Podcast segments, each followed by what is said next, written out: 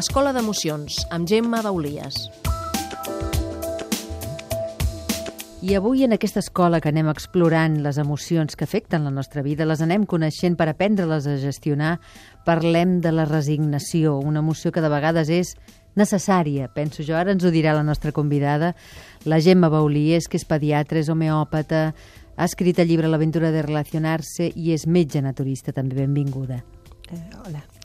Bueno, mm, a mi la resignació no m'agrada, perquè la resignació suposa que et dones per vençuda. I, I hi ha moments a la vida que no es pot fer res, però no hi ha resignació, hi ha acceptació de la situació. Llavors el, el caire, l'energia és molt diferent.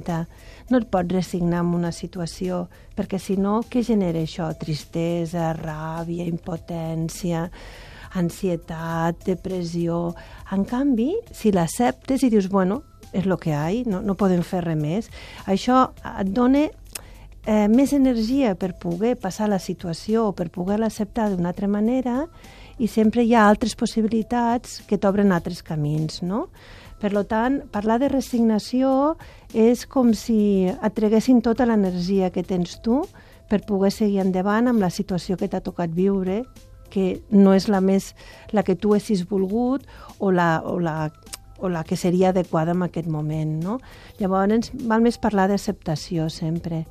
Eh, als nens no, no, no els hi podem ensenyar a resignar-se, perquè si no deixaran de lluitar.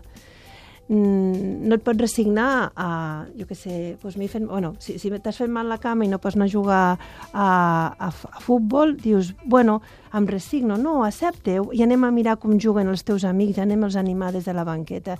Perquè si dius, bueno, em resigno i em quedo a casa a jugar amb la màquina, mm, és tan diferent i t'has trencat el peu. No, és, la, és el mateix fet, no? Però la perspectiva i la visió és completament diferent, no? Tenim que a, ensenyar als nens a acceptar les situacions que, que, per, que són a vegades quasi inacceptables, no? Però això ho tenim que fer els adults també, perquè els adults l'acceptació crec que no la treballem gaire, no? Resign, ens resignem, no? perquè no hi ha altre remei. I a medida que passa el temps, sí que acceptem la situació, perquè si no, ja, ja t'ho he dit abans, no?